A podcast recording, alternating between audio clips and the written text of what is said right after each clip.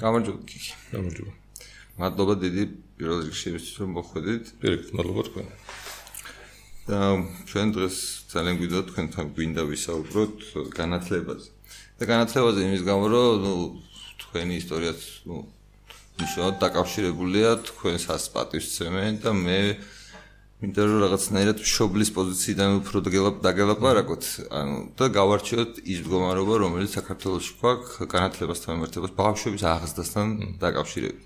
და მე მაქვს ბევრი კითხვა. საქმე ცუდათაა. არა, ეს ცუდათ არის, სხვადასხვა რა შეიძლება შევაფასოთ, სხვა ადამიანებს თქვა რომ ცუდათ არის, მაგრამ მე მინდა რომ რაღაცნაირად შევეცადოთ, რომ რა შეიძლება ღრმა მიზეზებს მივაგნოთ, რა შეა მთავარი პრობლემები ამ სისტემის.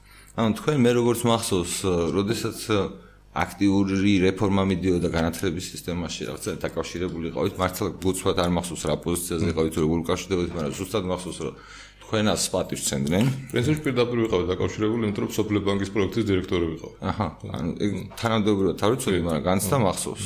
მერეც როცა თქვენ შეიძლება ამ პროექტის რაღაცა ის აღარ იყავით უშუალოდ, მაგრამ ვიყავით მახსოვს რექტორი და ჩვენ ხვდებოდით ხოლმე რაღაც განათლების სამინისტროში მე როცა თავისუფალ უნივერსიტეტიდან მოდიოდი და მოდიოდი და თქვენ ილიასთან იყავით და ასევე აშკარა იყო რომ თქვენსას ბიუროკრატია უფრო მეტ პატივს ცემდა ვიდრე ჩვენსას ხო ანუ მე ამის იმის თქმა კი არ მინდა რომ რაღაც ამით იმის თქმა მინდა რომ თქვენ უფრო უკეთესად იცნობთ სისტემას რომელიც დღეს ქვეყანაში გვაქვს ფუნქციონირებს რა და რაღაც არგუმენტები ალბათ იარსებებს ამ სისტემის, აი რატო არის ესეთი და რატო არის სხვანაირი და მინდა რომ ამაზე დაგლაპარაკოთ. ე თქვენი აზრით აი რანაირად ხდება რომ დღემდე ანუ ესეთი მნიშვნელოვანი შინაარსობრივი რეფორმა აი 20 რამდენი წელი 27 წელია ხო დაახლოებით რაც დამოუკიდებელი ქვეყანა ვართ და თან ესეთი გააზრებული დისკუსიაც არ მახსოვს მე განათლებაზე რომ ნიშნავენ მივიდა კი იყო რაღაცა ჯგუფი რომელიც კონკრეტულად მაგრამ ექსპერტულ ჯგუფს უფრო გავდა. ვიდრე ესეთი რომ საზოგადოებისთვის გასაგები ყოფილიყო თუ რა პროცესები მიდის ზოგადად განათლების სისტემაში ქვეყანაში. და აი პატარა ისტორია რომ მომიყვათ აი რაც თქვენ შეხება ქონათ განათლების სისტემასთან ზოგადად ეს პოლიტიკა როგორ იცვლებოდა? პოლიტიკა იყო ესეთი პოლიტიკა კორუფციული 2003-მდე და კორუფციული პოლიტიკა არ ნიშნავს მარტო იმას, ფულს აკეთებს ვიღაცა, კორუფციული პოლიტიკა იმას ნიშნავს, რომ აა ყველას ფეხებზე კიდე ის მიზნები, რომელიც ლეგალურად არსებობს. მაგალითად, ლეგალურად არსებობს მიზნები, რომ განათლების ხარისხი უნდა გაუმჯობესდეს. ხო, კორუფციულ სისტემაში ეს კიდე ფეხებზე ყველას რა, არა მარტო ფეხებზე კიდე იმას, ვინც ეს უნდა გააკეთოს, არამედ ფეხებზე კიდე იმასაც, ვინც ეს უნდა მიიღოს, ანუ მშობელს და მე რაღაცა ხნის მერე ბავშვსაც რა და ისინი ზემის სხვა გზებს ასე ასე ახლოს არის კორუფციასთან სხვა გზები რომ ეს მიზნები თავისი შვილების მიმართ რაღაცნაირად შეასრულა. აა ეს იყო შევარდნაძის და შევარდნაძის სხვა შორის ფორმალურად თუმცა სრულიად არასწორად ფორმალურად სისტემა დეცენტრალიზებული იყო. იმიტომ რომ სკოლები იყო ადგილობრივი თვითმმართველობის ხელში, მაგრამ ფული ადგილობრივი თვითმმართველობის არ ქონდა. სკოლის ფული ცალკე უნდა მიიღო იმას ცენტრალური ხელისუფლებისაგან ადგილობრივი თვითმმართველობის, ამიტომ ეს ესეც იყო თავის კორუფციის და ყველაფრის საფუძველი გაფუჭებული განათლების სისტემის. ნუ უნივერსიტეტებზე ლაპარაკი ზედმეტია, ხო ეს ყოველას ახსოვს თავის თავის თქვენს ხო მოწყობის ფული თქვენს მე ყოველას თავის წყალზე. როგორ სხვაშორის რაც ვითარდებოდა 90 ეკიდან ესე იგი სადღაც საბჭოთა კავშირის პერიოდიდან აი სადღაც იქამდე 2000 წლებამდე ყველაზე განვითარება რასაც ქვია, ყველაზე უფრო განვითარდა კორუფცია უმაღლეს სასწავლებლებში, იმიტომ რომ ეკიდა ცალკეული იმებიდან კლასტერული რეპეტიტორობიდან გახდა დიდი ისეთი ძლიერი სისტემა, სადაც ყველა გაერთიანებული იყო და იმ სამ სისტემის გარშე ფეხს ვერ ვერ გადატანდა. სინასტი რა იყო ამ კორუფციის, ანუ რატო იხდიდნენ თქვენ როგორ ფიქრობთ? თუ ესე იყო, მაგ ჩოლებრივი იყო, მოთხოვნა იყო უფრო დიდი ვიდრე მოწოდება. ანჩოლებრივი ამბავი იყო ხო? მაგრამ ეს მოთხოვნას რა ქმნიდა და მოთხოვნას მინდა პრესტიჟი პრესტიჟი უბრალოდ თუ ჩემაშვილმა დაამთავრა ეს ჩემაშვილმა დაამთავრა ის ანუ ითვლება სტრატეგიულ საზოგადოებებს განათლებას აქვს ძალიან დიდი წონა ოღონდ არაშინ არს არამედ ფორმა ფორმალურ განათლებას აქვს დიდი წონა ანუ მარტო გასაგებია დიპლომს. დიპლომს ხო საქართველოს რო ამბობენ რომ ეს არის ხო ხო განათლებას პატივს ყველა ტრადიციულ საზოგადოებაში ცემენ პატივს განათლებას. საქართველოს ამითი გამონაკლისი არ არის და განათლებას ცემ არა იმუნარების მიხედვით რასაც ადამიანი ვითარებს სწავლის ეს არამედ იმ დიპლომის მიხედვით რასაც ის იღებს. ეს ჩვეულებრივი ამბავია. და ეს კარგად იყო გამოყენებული ამ კორუფციულ სისტემაში. მე 2003-დან როცა ვარდების რევოლუცია მოხდა მანამდეც იყო სხვა შეცდომები სოფლიო ბანკი შემოვიდა საქართველოს 1999 წელს და უნდა და ამ განათლების სისტემის გამოსწორება, მაგრამ ну იქ მე მაშინას მუშაობდი როგორც ექსპერტი. გამოსწორებაში რა იგულისხმება? გამოსწორებაში იგულისხმება და უნდა გაეწმინდა ესე იგი ამოცანა იყო განათლების ხარისხი და კორუფცია. ანუ კორუფცია უნდა დაეძლიათ, უნდა კორუფცია როგორ უნდა დაეძლიათ, როდესაც ეს ფაქტიურად ის იყო თავარი ინსტრუმენტი იყო მისი რექტორების და სახელმწიფო ურთიერთობით ეგ წოდა წარმოუდგენელი იყო განათლების ხარისხიც როგორ უნდა ეწიათ ეგეც წარმოუდგენელი იყო მაშინ ესა მასე კვლევა გავაკეთე სხვა შორის იმის დაკვეთით უსუფაშვილის დაკვეთით როგორ რომელიც მაშინ ეს იყო ამ საბჭოს თავმჯდომარე ანტიკორუფციული ანტიკორუფციული საბჭოს კი არა ანტიკორუფციული კვლევითი რაღაცა ის იყო რომელსაც უნდა გაიკეთე კანონები და რაღაცები უნდა დაეწერა. თუ გახსოვთ ეგ სახელი. ხო იყო ეგეთიც.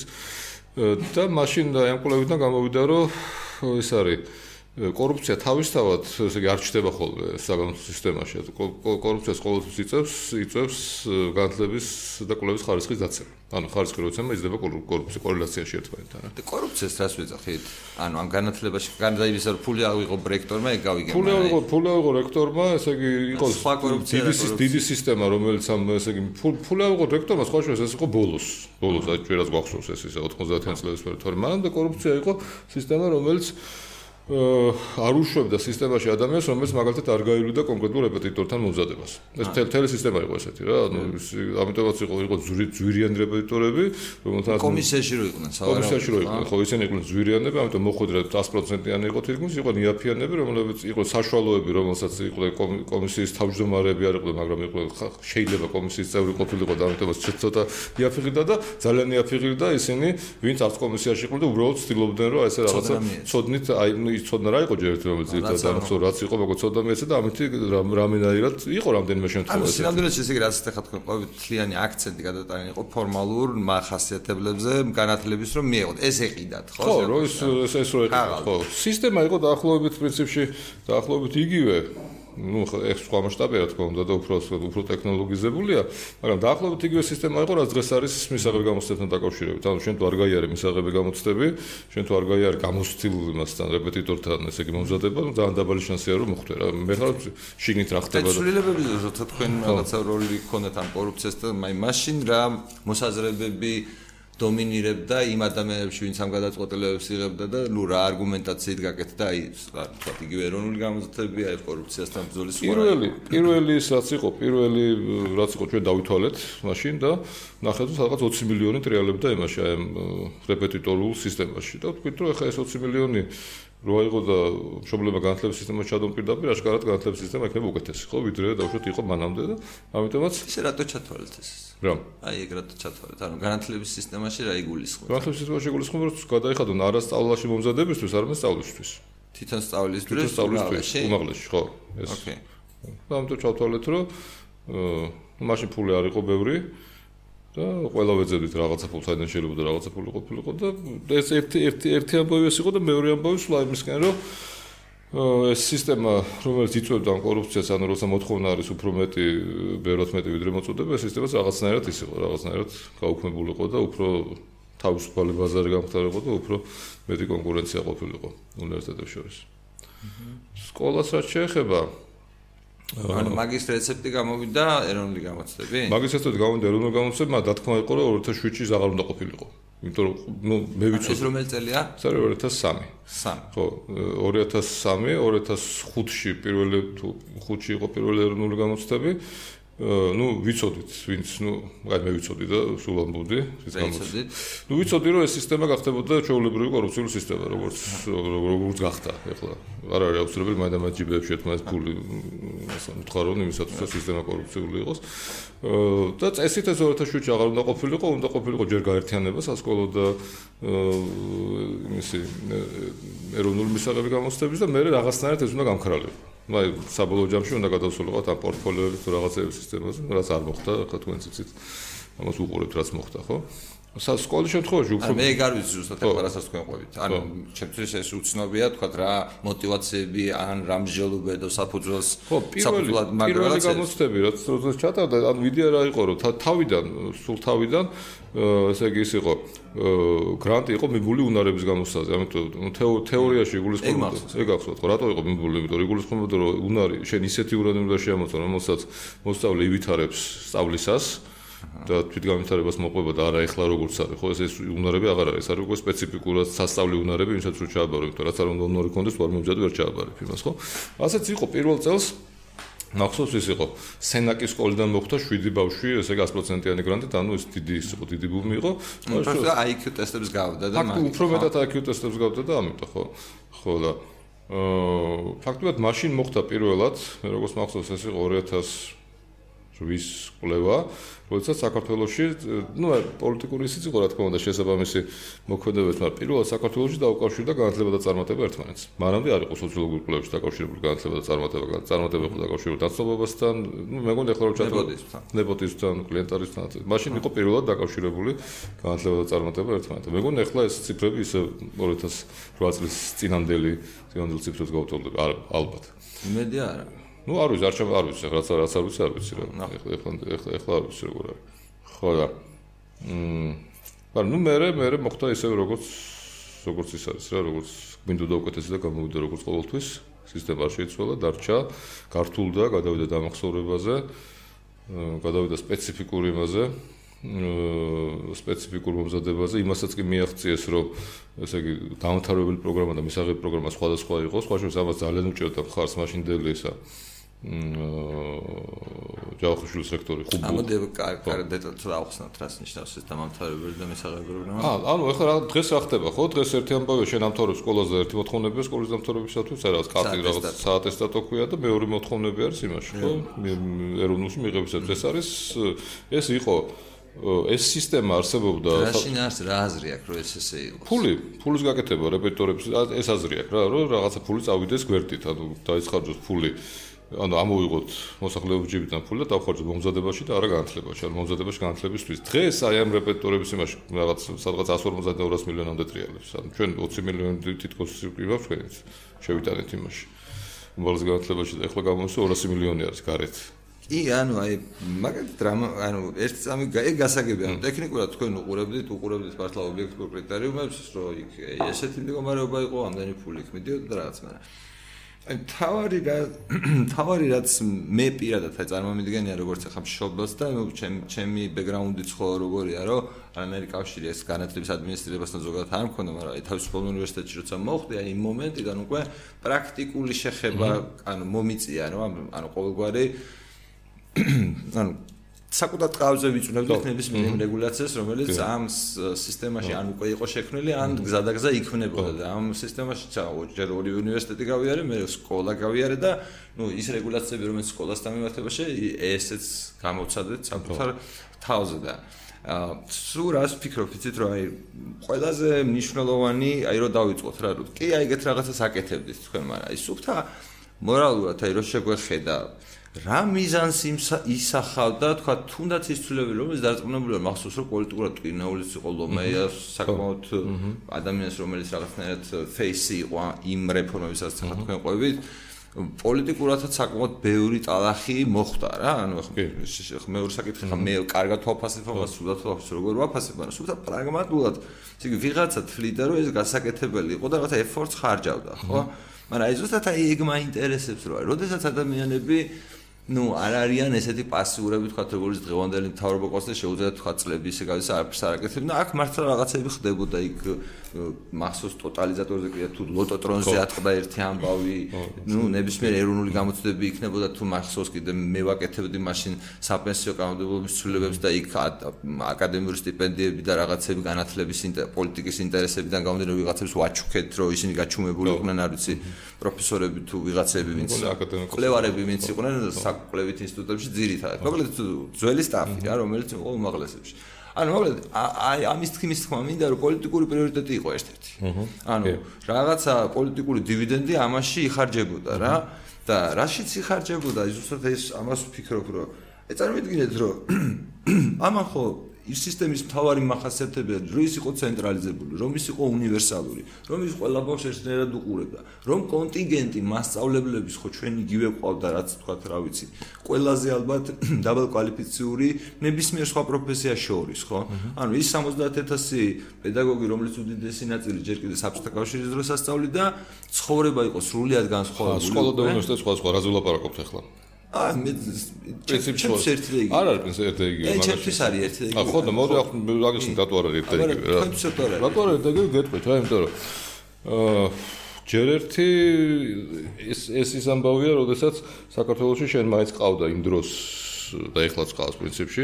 ხო, რატო ხდებოდა? მიზანი რა არის? მიზანი არის განათლება, განათლება და კვლევა, ემსახურება ეკონომიკურ აღმავლობას. მიზანი ეს არის რა, გამოსწორებ განათლებას და კვლევას. ანუ რას ანუ ნუ თუ თუ ყავს სოციალური ინჟინერით ვიყავით, მაგრამ სოციალური ხო, სოციალური ხო, ფაქტობრივად ხო, ყველა ყველა კანონშემოქმედება სოციალური ინჟინერია. კი, რაღაცა გვაგებით, მაგრამ ამ შემთხვევაში ნუ ჩვენ ჩვენ წარმოგიდგენთ, რომ ეს გვინდა ეკონომიკოსი და ამ ადამიანებისთვის, ანუ ამ ბავშვებისთვის.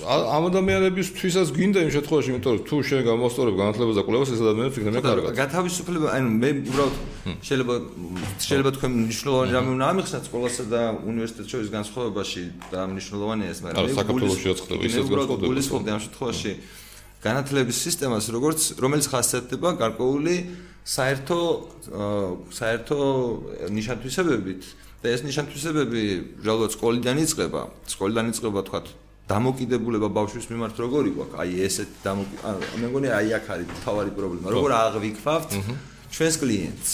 ანუ ამ შემთხვევაში ბავშვს, ხო? და ბავშვებს აღვიქვავთ, ჩემი აზრით ახლა მე მგონი თქვენთან არა მაქვს ამაზე საუბრო, მაგრამ ეს სისტემა ხო ამათ მართლა როგორც რაღაც ფაბრიკის მუშებს ესე უყურებს, არა? ხო, ეს არის მე-19 საუკუნის კონცეფცია არის ეს. ხო, მაგას გქონდა ამ ამ კონცეფციაზე ძალიან ბევრი არის ჩვენზე, თქვა, უფრო ცნობილი ადამიანები ამაზე საუბრობენ, ჩვენ მე მგონი ვეთანხმებით ამ კონცეფციას, ხო, ზუსტად ეს შულგან ამაზე არ ვჟელობთ. უბრალოდ ვიცით რომ საქართველოსიც ეს გვაქვს, როგორც ასეთი და გვაქვს ყველაზე უფრო რეგულირებულ, ანუ მოჭერილ მდგომარეობაში. ანუ რას გულისხმობ, რომ რაღაცნაირად მინდა რომ აი ცხოვრებასთანაც რო დავაკავშიროთ. მათ შორის ჩვენს იდეასთან, რაც იდეაში განათლებით არის გამოწვეული და არანაირად პოლიტიკას ეს არ უკავშირდება პირდაპირ, თუმცა მგონია რომ ზუსტადაც პრობლემა იმაშია, რომ პოლიტიკა და განათლება ერთი და იგივეა და კანონი ამასაც გრძალავს ზოგადად ჩვენ საზოგადოებაში რაღაც ისეთი აბსურდული წარმოდგენაა, რომ განათლება შეიძლება იყოს პოლიტიკის მიღმა, არა და მე კანონი როგორ გძალავს? კი, კი, წერი, ანუ განათ თავარი მიზნები რა ყოფილა, რომ არ შეუშვას სახელმწიფომ საჯარო სკოლებში არც რელიგიური და არც პოლიტიკური გაერთიანებები და საერთოდ კონტაქტი გაწყვეტოს, ხოლო კერძო სკოლებში, ანუ რელიგიური შეიძლება სავარაუდოდ, მაგრამ პოლიტიკური აკრძალულია. კი, კანონში წერია, კი, თავარი მიზნები, სახელმწიფოს თავარი მიზნები განათლების საკითხში აი ეგეთი აქვს ჩვენს ქვეყანას, ხო?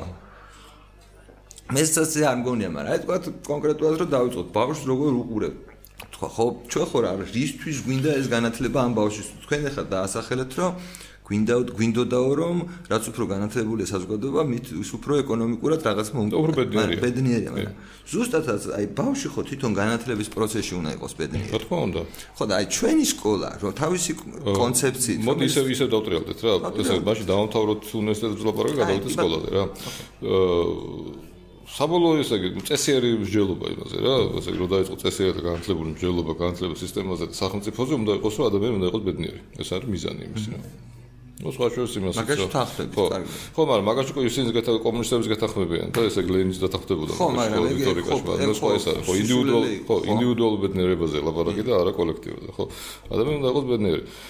ამოცანა არ შეთმოხარ იმ დროს ესე იგი საერთოდ იმ დროინდ პოლიტიკური მასში გარემოში რომ ბედნიერებს გელაპარაკას დიდი აზრი არ ქონდა ნუ ალბათ დაქცინებდნენ რა თორს მიხვდებოდნენ ამას რა. აა მაგრამ ის იდეა რომ ესე იგი თუ ამ ადამიანს მისცემ მაქსიმალურად მის შესაძლებლობის გამოვლენის საშუალებას და მისცემ თავისუფლებას როდესაც ის განათლებას იღებს რა ეს შედეგი იქნება კარგი. ადამიანისთვის ქვეყნისთვის აი ყველასათვის რა ყველა არის აა არ ვიცი შეიძლება ეს იყოს რაღაცნაირად ჩემი შეცდომაც რო ბედნიერებაზე არ ვლაპარაკობდი, იმიტომ რომ რაღაცა თვლიდი რომ ესე იგი ზედმეტი კონფლიქტები და ზედმეტი ის არ არის საჭირო. ბედნიერებაზე კონფლიქტი შეიძლება და მოხდეს. შეიძლება და მოხდარიყო, იმიტომ რომ გეტყოდნენ რომ რა დროს ეგ არის. ანუ იმიტომ რომ ხა ჩვენი კულტურა ხო ეხლაც პოლიტიკური კულტურა ძირითადად ხო ეხლა ძალიან საბჭოთაა რა. ხო და ჩვენს სანადროში აი თქვენც ალბათ მაშინ ან რა ვიცი ის ადამიანები ვინც აზროვნებდნენ ხო ამის წინააღმდეგ იყვნენ და ეს ხო თავი არგუმენტია ჩვენი შვილებია. კი კი ჩვენი შვილების ბედნიერება 12 წლის თუ 10 წლის განმავლობაში ამ შოლა კი თავი არგუმენტია ისე ისე იმაზე ვქნა ხო ისე დაამთავროთ უნივერსიტეტს აი დაამთავროთ ეს უნივერსიტეტი და იმას ყველა. ხო ვიცი ხო. ისინი დასრული ადამიანები არიან და არ მაინტერესებს. ანუ ამაზე მოვშეთლა ანუ იდეა რა იყო იდეა იდეა იყო ის რომ ყოფილიყო მრავალფეროვნება ყოფილიყო თავისუფლება ყოფილიყო ნაკლები შეზღუდვები მაგრამ მაგრამ აი ესე იგი როდესაც ხოჭოს უნივერსიტეტი სულ მიყვა, იმიტომ რომ თავისთავად ახლა უნივერსიტეტები იქნებიან კონტროლ ქვეშ თუ არ იქნებიან სახელმწიფო ამას დიდი მნიშვნელობა არ აქვს რა. არ სახელმწიფო. არა, ნუ აი რა მე აი აკონტროლებს ხო აი დაუშვათ ხო უნივერსიტეტს აკონტროლებს სახელმწიფო, აი რა მე. ხარ ანუ ძვირდება მომსახურება და უაზრო ხდება. არა, ეს ხომ არა სახელმწიფოს რა. აა სახელმწიფო ზოგადად? სახელმწიფოს არაფერი. ხო მაგას შესაძლოა. ხო არა რაღაც ეფემერული ინტერესი აი. ხო არა, ხო და მაგას შესაძლოა, მაგას ვერც ვერ ამბობ რომ კი ნუ სკოლაზე ვილაპარაკოთ მე და იქ არის ასე ვთქვათ ესე იგი მახინჯი პოლიტიკური არგუმენტი რა თქმა უნდა კონტროლს სკოლა, მაგრამ ნუ იქ იქ აფერი აზრი არ აქვს უბრალოდ რა უნივერსიტეტს ხო უმაღლეს კონტროლს ის ყოველთვის მიყვებოდა ხოლმე ესე სკოლაში რაღაცა მოუჭერდა ხელს და მოდი აბა ახლა უნივერსიტეტს მოუჭირო და მე უნივერსიტეტს უჭერდნენ და თორე იდეა თავიდან იყო ის რომ დაყოფილიყო მართლა თავისუფალი დამოკიდებელი მრავალფეროვანი თუ შემოწმება ესე იგი თუ ბოლოს და ბოლოს თუ იმაზე ლაპარაკო სახელმწიფო უნდა მიცეს თუ არა ფული უნდა მიცეს თვალდი კრიტერიუმების მიხედვით არა რაღაც ახლა როგორც არის რაღაც ვიღაცები ჩამოდიან თვალებს შემოხედავენ და მე რეგეტრენ არა რაღაცა ურთულესი ისინია რა ქვია სქემები ანუ ფორმულებია ეს ჩვენი უბედურება არ არის ეგ საერთოდ განათლების ფორმალური განათლების სისტემის უბედურება ამაზე თქვენ უნივერსიტეტი არ გაინტერესებთ კიდე მე ვილაპარაკოთ რატო არის საერთოდ ხადოსილობა უნივერსიტეტის სკოლაზე განათლების უმაღლეს განათლების სისტემის უბედურება საერთოდ თელსოფლიოში ეს ისა ზედმეტი ფორმალიზაცია მაგრამ ნუ მიზნები სხვა იყო და საბოლოოდ მივიღეთ მივიღეთ სულ სხვა შედეგი, როცა ძალიან რეგულირებულია ეს არის ხარისხის მართვის რა ქვია მაგას ორგანიზაცია თუ რაღაც ფაქტიურად უმაღლესი განათლების სამინისტროა. აა თელი ესე იგი ნორმალურ ქვეყნებში კვლევა მიდის ინტეგრაციისკენ, აქ ხდება დეზინტეგრაცია, ისე ხდება რაღაც პატარ-პატარა ესე იგი რაღაცა უაზრო რაღაცებად დაყოფა, იმიტომ რომ ეს არის ესე იგი არანაირი არანაირი ცხადი კრიტერიუმი სახელმწიფოს. მაგალითად არ აქვს რატო რატო უნდა მიცეს როგორ უნდა მიცეს უნივერსიტეტს ფული? უბრალოდ არ აქვს რა. იქ რაღაც წერეთ გინახავთ ალბათ ეს ხო რა დიდი სინია რა. პროსტინებია დიდი სადაც წერა რა უნდა შეოსრულო როცა სინამდვილეში ეს ძალიან ცხადი კრიტერიუმი შეიძლება ეს ფული მიცე. არსებობს ეს ცხადი კრიტერიუმი. მეორე საკითხია საერთოდ რატო უნდა მიცე? ნუ დაუშვ შეიძლება უნდა.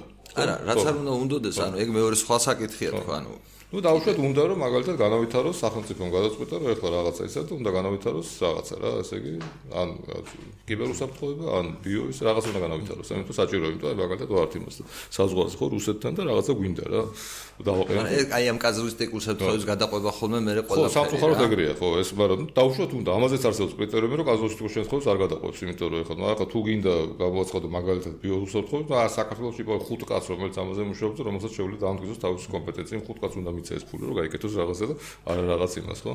რაღაცა იბუდიელო იმაში რაღაცა. ანუ მოკლედ უმაღლეს განათლებას დამართებაში ბევრი საქმე იმ სახელმწიფოს არ აქვს და მათ შორის არც მორალური არგუმენტები არ არაფერი არგუმენტი არ აქვს იმას გამართებაში ერთადერთი სახელმწიფო მას შეუძლია თქვას რომ მე მივცემ სოციალურ გაჭირვებას მივცემ ფულს რომ წაიღოს უნივერსიტეტში. მეტი მეტი ვერაფერი მეტი სოციალური დახმარების ფუნქცია ხო ბევრი რო იფიქრო რა უნდა გააკეთოს სახელმწიფო? ერთი არის ის რომ მაგალითად რაღაცა პროგრამები რომელიც მას ჭირდება აი მაგალითად იმას ნასას აფინანსებს ხო? ფედერალური მთავრობა იმიტომ რაღაცები ჭირდება იქ რა თუ სამხედრო იმით ხო? საქართველოს ნასას არ დააფინანსებს ну საქართველოს შეიძლება რაღაცა დაჭირდეს მაგალითად რა ვიცი მე აი რა შექმნას ისა ქართული ქართული ენის რა ვიცი მე ხელოვნური ინტელექტი რომელიც არა და არ არის რა. ამჯერად მაგის მაგრამ აი სიტყვაზე დაუშვით ხო შეიძლება დაჭირდეს რა. მაგრამ მაინც ყველაზე უფრო ესე ადეკვატური ფორმა არის ის რომ ფული მისე სოციალურ გაჭირვებულს და იმათ ის წაიღოს ის რაღაც უნდა და მოათავსოს რა. აი ამის მეტი სახელმწიფოზე გარკვეულ არის საქმე რა აბსოლუტურად. კი ბატონო ხო ეს მაგრამ თან არის საქმე არა იმიტომ რომ ამისი ესე იგი რაციონალური მიზნები არ არის რა ირაციონალური მიზნებიც არ არის ამის რა აი ხა აი მე ხო უნივერსიტეტს ხელს მოუჭე და მე მე რა ეს არ არსებობს просто აი ეს არა მაგალითად ხო ხმიყავით რექტორი კი ილიას ანუ 2013 წელს აი მაგ უნივერსიტეტიდან უამრავი პედაგოგობის სურველ ადამიანს გავესაუბრე ანუ უშუალოდ მათი სივები თუ რა ვიცი ყველაფერი წავიკითხე უამრავს შევხვდი და წარმოიდგინეთ ანუ პედაგოგების აი ეს რეგულაცია რომელიც ფაქტობრივად გაიძულებს რომ კონკრეტული შვიცრო ჯგუფიდან აარჩიო სამუშაოს მაძიებლები არის უკიდეგანო დაბალი ხარისხის. ნუ შეგრია, იმიტომ რომ პედაგოგის თვითონ პედაგოგის თვითონ პედაგოგის ანუ რეალურად რო წარმოიდგინეთ ეხლა რასაც თქვენ უბრალოდ საუბრობთ მისი გამოვლინება ცხოვრებაში არის პრობლემა რომელსაც ქმნის მსგავსი რეგულირებული ტიპის უმაღლესი განათლება ბიზნესისთვის. ანუ საქმისთვის სადაც მართლა გჭირდება კომპეტენცია. კომპეტენცია პედაგოგი. თვითონ თვითონ პედაგოგის ის არის ყველაზე უფრო დაბალი ის არის, ხო? რა სოციალური სოციალური კასტა და ახლა პრინციპში იქ მიდის ადამიანი. რა პროტესტებდით მაგას? აი მაგალითად თქვენ როგორც რექტორს ხო ბევრად მეტი ადამიანი მოგისმენდათ მაშინ რომ გამოსულიყავით და აი აგეხსნათ რა ხელა აბსურდი იყო ამის კეთება. ცირა რაც შემელო იმაშობოდი ვეწინააღმდეგებოდი და რაღაცას ვახცევდი კიდეც რა მაგალითად კი მახსოვს რაღაცა რაღაც რაღაცა მუდმივად ქონდათ საკუთარი მოსაზრებები რაღაცა რაღაცა კვეთრი რატო არ ქონდათ იცით როგორ იყო? პრინციპში ახლა მართლა გითხრათ ჩემი ამოცანა უფრო იმ დროს ეგ როცა ხედავდი რომ ეს ეგ ის არის აი მაგალითად ეს ენერგია სასრულია ხო? როგორ? ენერგია სასრული ადამიანის და დროც სასრულია ხო? რაზე უნდა დახარჯო არჩევანებში? პრიორიტეტებში არის. ჩემ პრიორიტეტ არის, იმიტომ რომ სანამ წასულიყო ეს პედაგოგი მაგრამ ამას ვერ ხედავდი. საერთოდ რომ დავი დაგვენებებინა. რა თქმა უნდა თავიდან დაგვენებები, მაგრამ ამაზე არ მიდიოდა. ეს უკვე სხვა ამბავია. ეს უკვე არის აი ხა სკოლაზე გადავდივართ ლოგიკურად, მივედით სკოლა. აი საერთოდ თავის დანებება ეგრე არ გამოდიოდა, იმიტომ რომ არ გამოდიოდა. აი ხა მოდი მოდი მოდი რატო არ გამოდის პედაგოგისთვის თავის დანება? მართლა ესეთი ბანალურია მიზეზი რომ მოდი მოდი რო რა რაღაც არჩევნებისთვის სჭირდება სრულიად სრულიად ეს ეს ბანალური მიზეზის გარდა არანაირი შინაარსი ახლა ახლა ვინც ამბობ რომ დაინიშნება განათლების ხარისხის იმათ ცენტრის თუ რაღაცის დირექტორად სოფო გორგოძე იმას აქვს ძალიან კარგი დისერტაცია აა და მას აქვს ესეთი ცნება შემოტანილი, რომელიც არის პირველად დაფიქსირებული აი განათლების კვლევის ისტორიაში, ესა election driven reforms. ანუ არჩევნებით წარმართული რეფორმები. ნუ პოლიტიკური ინტერესი უფრო სწორი იქნება. პოლიტიკური ინტერესი ბევრია. ხო, შე პოლიტიკური ინტერესი დაფიქსირებული ადრესი იყო ამაში განათლების კვლევებში და განათლების პოლიტიკის კვლევებში, მაგრამ პირველად ესე იგი სოფომ გააკეთა, როდესაც არჩევნებს თეორიაში არჩევნებს დაუკავშირა საქართველოს საქართველოსში და არა მარტო საქართველოსში, ალბათ ახლა რუსეთშიც ეგრეა და ალბათ ბევრ სემიტოტალიტარულ ქვეყანაში.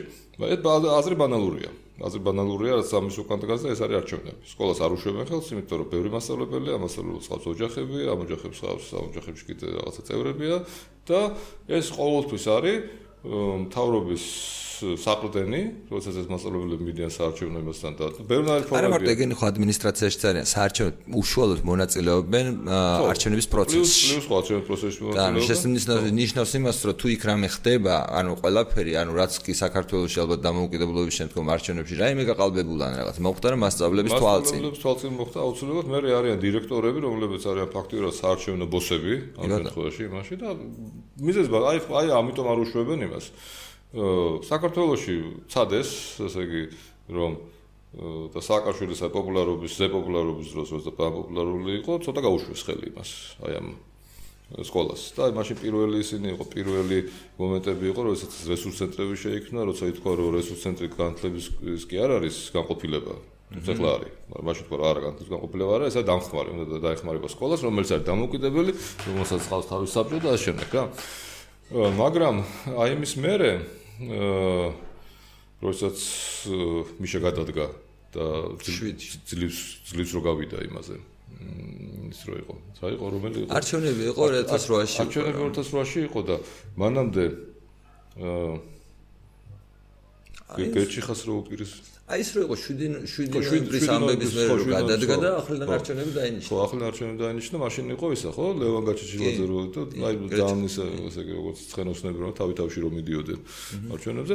ამის მერე მიხვდა პოლიტიკური სისტემა რო ესე იგი სადმანაობთ და დაუბრუნდით ახლა მასწავლებლები და ესე იგი მანამდე ხო, მანამდე მოუჭიროთ ახლა ხელს მათ ისე მოგცენ ჩვენ ხმა. ანუ სინამდვილეში ესე იგი ანუ ეს ხო რეალურად ახლა რასაც ჩვენ ლაპარაკობთ და ყვებითად იდეაში ეჭვი არ გვეპარება რომ მართლა ესე იყო და ანუ დღემდე ესე არის და სხვა უბრალოდ მიზეზი რაციონალური ვერ ვიპოვეთ და მაგიტო გჯერა იმიტომ რომ კაცი არ გამოჩენილა რომელიც რომელიც დაასაბუთებდა რომ რაიმე სამას ან ხარისხს და რაიმე ღირებულზე აქ და რა თქმა უნდა პირიქით არის სინამდვილეში გამოდის რომ არასოდეს არ გვიფიქრია როგორც ასეთი როგორც სამოქალაქო საზოგადოება საკუთარ მომავალზე ხო? ანუ რეალურად ბავშვების მომავალზე. ეგეთი რამე არ გვაქვს ნაფიქრი. არა არანაირად პოლიტიკურ სიფრთხეში არანაირად იმიტომ რომ ხა ჩვენ სამოქალაქო საზოგადოება ხო პოლიტიკურია სინამდვილეში.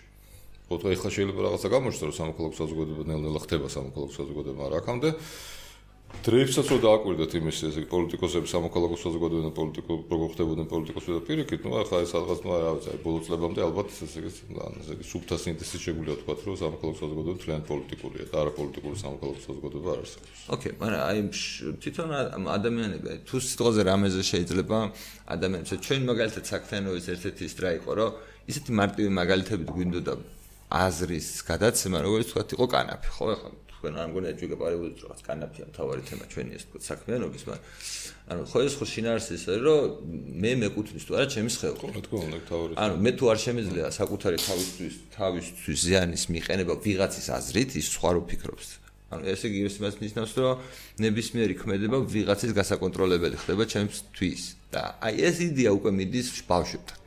ეს იდეა მიდის ბავშვებთან, იმიტომ რომ საბოლოო ჯამში მაგალითად ჩემი მდგომარეობა გიგი როგორია, იცით? ანუ რაც ეს ჩემი შვილი არ დადის სკოლაში. აა სახში არიან, რა. ხო და ნუ მე რაღაცებს ველაპარაკები, რა ვიცი, გონია რომ ჯეჯერობით რაღაც დესკულინგის პროცესში ვართ.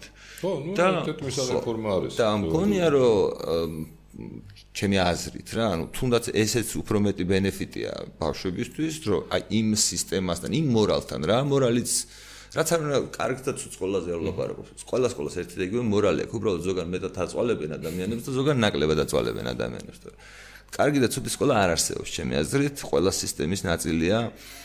და ნუ ამ სისტემის ასე ვთქვათ მავნე თუ ბოროტ რაღაცებს გააჩნია ვინ როგორ ბლოკავს თორე ამ სისტემა რომ მიუშვა ჩვენ შვილებს შეუძლებლობა საბჭოთა ადამიანებად გაზრდის იმიტომ რომ მორალის ნასახი არ არის და ღირებულების ნასახი არ არის ზოგადად სისტემაში და კითხვა ესეთი მაქვს რა რომ თუ ჩვენ ვიცით, რომ ჩვენ შვილებს უშვებთ მასშტაბლებლებთან, რომელიც არიან პოლიტიკურ კორუფციაში ჩართულები, მთელი მათი ისტორიის განმავლობაში, თუ ჩვენ ვიცით, რომ ჩვენი შვილების მასშტაბლებლები ანუ აღზდას, ვისაც ჩვენ შვილებს ვაბარებ 12 წელი რო ვატარებთ იმათთან და ისინი რო უფრო მეტ დროს ატარებენ ჩვენ შვილებს, ანუ ვიდრე ჩვენ მშობლები, იმიტომ რომ მუშაობთ, ეს ხალხი არის ყველაზე დაბალკვალიფიციური საერთოდ ქვეყანაში ანაზღაურების თვალსაზრისით თუ შეხედავთ, და ყველაზე უსინდისო თუ მორალის თვალსაზრისით შეხედავ, ხო? ანუ მათ იყენებს პოლიტიკური სისტემა აწლეულების განმავლობაში ისე რომ ამ ხალხისგან არასოდეს პრეტენზია მე არ მსმენია საერთოდ. აი ესე მარტო ეს შეგადაცემა კი არ არის, ხშირად ლაპარაკობ ხოლმე მე ამ თემებზე და ამ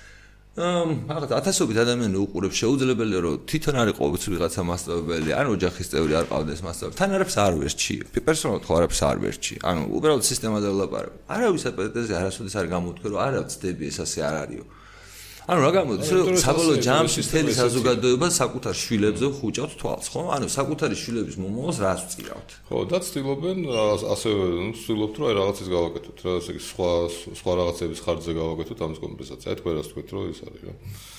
აა ბარიერების შექმნა იმ განათლებისადმი, რასაც ისინი იღებენ და იმ აღზრდისადმი, რასაც ისინი ეხლა წარმოიდგინეთ, რომ აი ახლა რასაც მე ვყვები, რომ აი ეს სიტუაცია, ხო, გონიერმა ადამიანმა, რაციონალურმა ადამიანმა, თუ მას შესაძლებლობა აქვს, ხო უნდა შეეცადოს, რომ ამ სისტემას დააღწევინოს თავი ყველაზე საყვარელ არსებას, რომელიც მას ყავს. ესეთ კი. ანუ თუ ეს ესია, მაშინ ჩვენ ხო შეგვიძლია თუ ესეთი ადამიანები ბევრი ვართ, რაღაც თვალსაზრისით, რაც არის ჩვენ, ეხლა მე ხო იდეას რაღაც ნაბიჯებად აღწერ რა. რაღაცნაირად გავერთიანდეთ და ვთქვათ, რომ ანუ ჩვენ გვაქვს უფლება, საბოლოო ჯამში ხო რაში ითარგმნება ეს, რომ ჩვენ გვაქვს უფლება, ჩვენ გადავწყვიტოთ რა ღირებულებებზე შეიძლება ჩვენი შვილები იზრდებოდნენ ამ ქვეყანაში საუბედუროთ ეს ამბავი კანონით არის აკრძალული. აა კანონით რატო არის აკრძალული? აი ხო უყურეთ. წარმოიდგინეთ რომ გარდა იმ განათლების სისტემისა რომელიც თქვა ჩვენთან ფუნქციონირებს, რომელიც რაღაცა დასტურდება იმით, რომ ავტორიზაცია უნდა გაიარო, მე რაღაც რაღაც შემთხვევებში, ну, ესეთ რაღაც ფორმალური პროცედურები, რომლებიც უნდა ბიზნესი, რომელიც უნდა ამუშავო იმ უნივერსალური წესებით, რომელი უნივერსიტეტი ყველა სკოლა უნდა მუშაობდეს წესით ქვეყანაში, კონტენტი უნდა იყოს ერთი და იგივე. სტრუქტურა მაგალითად რომელ ასაკში რამდენი საათი რას უნდა დავოთმო წინასწარ იყოს განსაზღვრული. შენ თუ ამას უარს ამბობ, ზოგადად თუ მიგაჩნია რომ ბავშვები უნიკალურები არიან. ეს ხო იმას ავტომატურად ნიშნავს, რომ რამდენ რამდენ ადამიანს მიაჩნია ეგრე. ხო, ანუ მე ხო მიმაჩნია. ანუ ვიღაცებს, მაგალითად, ჩვენ რა საკონსტიტუციო სასამართლოში რაღაცაზე დავობდით. ეს ხო ჩვენ საზოგადოების სახელით არ დავობდით, ჩვენ დავობდით პირადი ადამიანის თავისუფლებიდან გამომდინარე, ხო? ესა გვაქვს გასარკვევი. ანუ ამ შემთხვევაში ხო საბოლოო ჯამში მაინც მივალთ იმ გადაწყვეტილებამდე. ანუ როგორ არის სინამდვილეში გიგი რომ კანონმდებლობაში არ არის არის აკრძალვები, მაგრამ არ არის ადმინისტრირების ინსტრუმენტები. ანუ მაგალითად ის რომ მაგალითად ჩემთვის აკრძალულია, რომ ჩემ შულს არ მიცე ის განათლება, რაც ამ ქვეყანაში განათლება განათლებად ითვლება. ეს წერია, მაგრამ არ წერია, როგორ უნდა დავისაჯო თუ მე ეს არ მოვიქცევი. ანუ შესაბამისად გამოდის რომ მე რაღაცნაირად ვაკუუმში ვარ. ასეთივე ვაკუუმში არიან ის მშობლები, რომლებიც იგივენაირად ჩემ აზრზე არიან, ხო? და რაღაცნაირად ჩვენ უნდა ამ პროცესის მეშვეობით გავარკვიოთ საზოგადოებაში. გვაქვს ჩვენ აი როგორც მარიხუანის შემთხვევაში გადაწყვეტა საკონსტიტუციო სასამართლომ ეს არის თავისუფლების ნაწილი. არ ვიცი ახლა საკონსტიტუციო სასამართლომ უნდა გადაწყვეტოს საზოგადოებრივმა აზრმა უნდა გადაწყვეტოს თუ რამ უნდა გადაწყვეტოს, მაგრამ საბოლოო ჯამში ამ ქვეყანაში აზრი იმასთან დაკავშირებით ეს ბავშვი ვისი გადასაწყვეტია, ბავშვის მომავალი ვისი გადასაწყვეტია, შობლის გადასაწყვეტია თუ სახელმწიფოს გადასაწყვეტია, ანუ საზოგადოების გადასაწყვეტია. ეგეც გასარკვევი საკითხია და ჩემი აზრით თავარი საკითხი საკითხი, რაც კი უნდა გავარკვიოთ განათლებასთან მიმართებაში, დავა ამქამდე. აი აქამდე მივა. არა, აქამდე მივა. რეალურად აქამდე მივა და პრინციპში ისეთია, რომ თვითონ განათლების სისტემა განათლების სისტემა ხო თუდი სიტყვა უკვე საქართველოს მიმართებაში, მაგრამ საერთოდ თვითონ განათლების სისტემაც იცვლება ყველგან. აჰა. ხო და ხო მაგრამ ახლა ხო უნდა დაელოდო როდეს დაიქცევა თავს. არა, იცით როგორ არის ახლა ეს რა დაიქცევა რა, ის მაინც დაიქცევა. ნებისმიერ დაელოდეთ, კიდევ დაელოდეთ, ყველა ვარიანტში დაიქცევა ეს სისტემა, უნივერსიტეტების უმაღლეს განათლებაზე დაიქცევა, სასკოლოზე დაიქცევა. რატო დაიქცევა? იმიტომ რომ რაც უფრო აი ამის გამო, აი აქ რო წიგნი მიდევს. ხო. სინგულარიტიზმია კი. ხო. სულ სულ ხალხი ციგნებს წერა. მაგის გამო დაიქცევა ეს სისტემა. აა შეიძლება მაგის გამო დაიქცეს, შეიძლება სხვა მიზეზებიც იყოს, მაგრამ ყველა ვარიანტში დაიქცევა და იმიტომ რომ სულ უფრო და უფრო გადადიან შობლები სხვანაირი განათლების იმაზე, მიცემაზე. ეხლა პრინციპში არის ისინი საქართველოსში ადგილები, სადაც არსებული ეს მახინჯის სისტემას კი არ მუშაობს. მე არ ვიცი შუბლები როგორ მოგწევენ და რას გააკეთებენ, მაგრამ ნუ ახლა თუ ქალაქი მე მგონი ჯობია რომ საერთოდ მაგალითად განათლების უფლებაზე თუ ლაპარაკობთ, ხო? მე არ მე ვფიქრობ რომ ხო სოფლებში ხო არის რაღაცა 3-4 ბავშვიანი, 10 ბავშვიანი, 5 ბავშვიანი, ტელევიზორში სიუჟეტი არა გაქვთ ნახი რომ რაღაც 70 წლის ბებო და პირველ კლასელი ბავშვი ერთად რომ მიდიან, ბებო მასწავლებელია და ეს ერთადერთი მოსწავლეა კლასში. და ამას აჩვენებენ როგორც რაღაცა განსაკუთრებული გმირობის მაგალითს, სადაც რაღაცა 6 წლის ბავშვი სკოლა სადაც სხვა შენობაში შეიძლება კილომეტრების იქით მიდის ერთ მოხუცთან რო კლასში დაჯდეს მასთან ერთად. ეს ეს ხო ეს ეს მაქიმაზია ლაპარაკი მაქრაღაც დემონსტრაცია სიგიჟის ხო. სხვა რაღაცა უნდა მოხდეს მაგრამ ნუ ყოველდღე სახელმწიფო რა თქმა უნდა გარ უნდა გააკეთოს იმიტომ რომ ეს არის სახელმწიფო კარგს ვერასოდეს ვერაფერს ვერ გააკეთებს მაგ შემთხვევაში. აა მაგრამ თვითონ განათლების სისტემა იცვლება და მე არ ამგონია რომ მე მე ფიქრობ რომ ძალიან მალე ეს ისინი რა ეს ეს ოპობა გამოჩნდება ძალიან აშკარად რა და სულ უფრო და უფრო ხო მაგრამ მე მგონი უკვე ხედავთ და თუ ხედავთ ამ ამას რატო არ რამე ანუ საბოლოო ჯამში მე ჩვენ გვაქვს რაღაცნაირად ესეთი მიდგომა ხოლმე. თუ პრობლემას ხედავთ მე უბრალოდ თეორიული იდენტიფიკაცია საკმარისი არ არის. რაღაცა უნდა გააკეთო იმისთვის რომ ამ პრობლემას რაღაც ეს პრობლემა მოაგვარო ხო? თუ ჩვენ ვერ ხედავთ პრობლემის მოგვარების გზას იდეაში აზრიც არ აქვს დიდი ამ პრობლემაზე საუბრის პრობლემის მოგვარება ინდივიდუალურად ალბათ შესაძლებელია. აი მაგალითად ზუსტად ესეთი მოთხოვნა გვაქვს, რომ აი ეს ჩვენ რასაც რისიც გჯერა, გამოიხატება რა იმაში, რომ ჩვენ სკოლა გავხსნათ ან რაღაცა საგანმანათლებლო. რა თქმა უნდა, მას მაინც გავაკეთებთ, მაგრამ ეს სხვა თემაა. თემა ეს არის, რომ ყველა კერძო კერძო უმაღლესი იქნება თუ კერძო საგანმანათლებლო დაწესება, უნდა განთავისუფლდეს რეგულირების ჩარტ, ანუ წნეხისგან. ანუ თვითონ გადაწყვიტა და თუ ეს კონკურენციაში თუ დაწოვებენ საჯარო სექტორს როგორც ის არის და კერძო სექტორს ექნება თავისუფლება დარწმუნებული ვარ რომ კერძო სექტორი ძალიან სწრაფად გამოაჩენს საკუთარ უპირატესობას. ხოდია თუ ამას გააკეთებენ იმიტომ რომ ხო მაგრამ პრობლემა არის ორი. მანდ არის ის რომ ფაქტობრივად გამოდის ეს მშობლები რომლებიც საკუთარ შვილებს კერძო განათლებას აძლევენ რეალურად არიან უკიდურესად ფინანსურად დასჯილები ანუ ერთ ბავშვს სახელმწიფო დღეს გამოყავს დაახლოებით 1650-1700 ლარს საშუალოდ სკოლაში. ან თლიანად აი რამდენი კლიენტი წყავს განათლების სისტემას ის რომ უბრალოდ კლიენტებზე რომ გაყო მისი ბიუჯეტი მარტივად ამშობა კლიენტებზე რომ გაყო და არა არა ვაუჩერზე ხო გასაგები იგი რამშობა ჩვენ ხო ეს გადასახადები გადავუხადეთ მithumetes ვისაც კერძო სკოლაში დაყავს შვილი ამ ადამიანებმა ხო პროცენტულად ბევრად მეტი წელი გადაიხადეს ხო ამ ბიუჯეტში შესაბამისად ამ ადამიანებმა კიდევ ერთხელ უნდა გადაიხადონ კერძო განათლებაში საკუთარი შვილებისთვის. რომლიდანაც არაფერი არ ეთვლებათ საჯარო სისტემაში გადახდილი ფულიდან. და პირიქით იჯებიან ანუ პირიქით პრობლემები უნდა შეექმნათ, ხო? ანუ როგორც ვთქვათ, ამ შემთხვევაში ჩვენს შემთხვევაში პრობლემები უნდა შეექმნათ. ანუ თლიანი პრობლემა გარდა იმისა, რომ მორალის საკითხია და მორალურად შეგვიძლია გავარჩიოთ, არის ის, რომ ფინანსური ბერკეტი აქვს სახელმწიფოს, რომ შობლებს, ანუ ზოგადად კონკურენცია გაუწიოს კერძო დაწესებულებებს იმით, რომ ასუბსიდირებს თლიანად განათლების სისტემას, რომელიც მისი სისტემის შიგნით არის. ნუ კერძოს ნაკლებად ცხადე 300 ლარიან ვაუჩერს აძლევს დღევანდელ სკოლას. და იმას იმას რამდენი აქვს საჯაროს? საჯაროს სკოლას აქვს იმდენად დისკრე ანუ დისკრეცია აქვს იმხელა თქვა თავის ფორმულებით, რომ სიტყვაზე შეიძლება მაღალთიან სადღაც სკოლაში ბავშვი დაიხარჯოს 3-4000 ლარი. და ვაკეში თქვა დაიხარჯოს დიდ სკოლაში თქვა 900 ლარი. ანუ ძალიან დიდი განსხვავება. თუმცა მივხვდეთ ამისა, კერძო სკოლა ნებისმიერ შემთხვევაში ყველაზე და დაჩაგრული, იმიტომ რომ არსებობს მინიმალური ვაუჩერის ოდენობა, რომ რომელსაც მხოლოდ ამას იღებს. და დანარჩენს სუბსიდირებული აქვს კაპიტალი.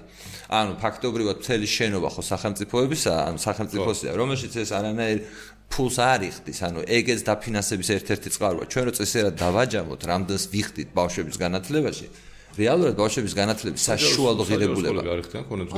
ან ქონებს გადასახადი არაფერი არ არის რეალურად საჯარო სკოლებისთვის. თავარი არის რომ თქვენ რო წარმოიდგინეთ რომ მას კონკურენცია გაუკეთებიოთ და ანალოგიური თქვა 6 კვადრატული იქირავოთ ერთ თქვენს მოსწავლეზე. თქვენ ხო საბაზრო ფასი უნდა გადაიხადოთ მეზობელ შენობაში და მისთვის ეს სუბსიდია? რეალურად გარდა იმისა რომ იღებს მასწავლებლების ანუ წყაროები რამხელა აქვს არსებობს ინფრასტრუქტურული პროექტები, რომლებსაც ფაქტობრივად სამინისტრო შეიძლება კორუფციული მიზნებით თვითონ არემონტებს, ანუ ამათ არენდობა ფულს არ აძლევს, ანუ ცენტრალიზებულად არემონტებს. მაგაში ასხავს. ტექნიკური აღჭურვილობის თალკე პროგრამები აქვს, რომლებიც ამ გზით ასხავს. მასწავლებლების ტრენინგები და მათი გადამზადება და წარმატებული ვითომ ჭალებში მასწავლებლების ზედმეტი ხელფასები ასევე სუბსიდია, პლუს ამათვის მიცემული ვაუჩერული დაფინანსება ბევრად მაღალია. ანუ რეალურად სახელმწიფო აი ესე გებრძვის. ხო, ესეც ესეც არის, იმიტომ სახელმწიფოს ეგრეს იქცევათ სუპერცენტრალიზებული სახელმწიფო და ეგ არის ჩაოლებრივი სუპერცენტრალიზებული სახელმწიფოს ქცევა. იმიტომ რომ მაგ მე შეიძლება რა რომ ესე იგი მოთქვა საკონსტიტუციო თქვას ოდესმე რომ ესე იგი განათლება განათლების წარმოება არ არის სახელმწიფო საქმე. კი მე ვფიქრობ რომ განათლების წარმოება არ არის სახელმწიფო საქმე და ეს არის ანუ ეს არის მორალური სტენსი ან პოზიცია საზოგადოების უნდა იყოს თუ არა ასეთი ტიპის განათლება. მაგაში გეთახმები თუ სოციალური დახმარება იქნება და ვიღაცის განათლებაზე ფული დაიხარჯება მე თავს არ მოვიკლავ.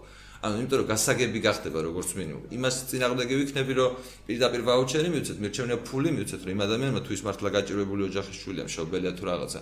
შეიძლება რა რომ ვიტამინები უფრო მნიშვნელოვანია ბავშვის დღევანდელი მდგომარეობისთვის, ვიღა და ვიღა იდიოტი ჩინოვნიკის მიერ განსაზღვრული ვიტამინები. ანუ ამ შემთხვევაში ვიტამინების სხვა ფული უნდა იყოს, მაგრამ ნუ კაი ეს დეტალები ხო. რა თქმა უნდა, მშობელმა გადაწყვიტოს. ეს ხო ფილოსოფიურად მაგას ნიშნავს რომ თუ ჩვენ მშობელს ვენდობით ყველაფერი მშობელს უნდა მივცეთ. მაგრამ კი ბატონო, აი მაგა თქვენ აუთო შეიძლება ეს მიაღწიოს საკონსტიტუციო გზით, ხო?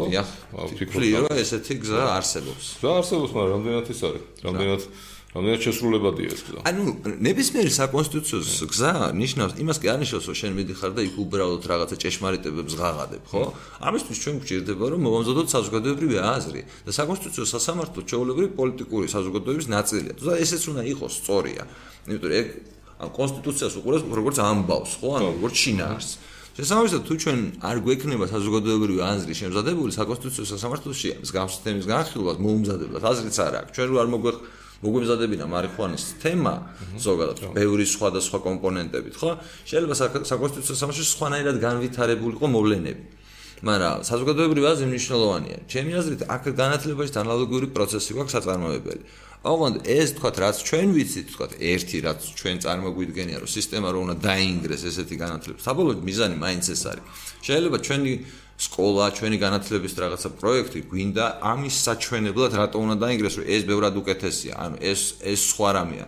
მაგრამ საბოლოო მიზანი მაინც ის არის რომ 550000 ბავშვი ციხეში არ უნდა დადიოდეს ყოველდღე. ხო თუმცა დადის. ხო და რო დადის მაგის წინააღმდეგ არის მართლა სერიოზული რაღაცა მოსაფიქრებელი. ანუ თუ რამე ბოროტება გვაქვს ამ ქვეყანაში, მე მგონი ეგ არის ნომერ პირველი და პრიორიტეტები თქვენ რო იძახით, აი ეგ არის პრიორიტეტი.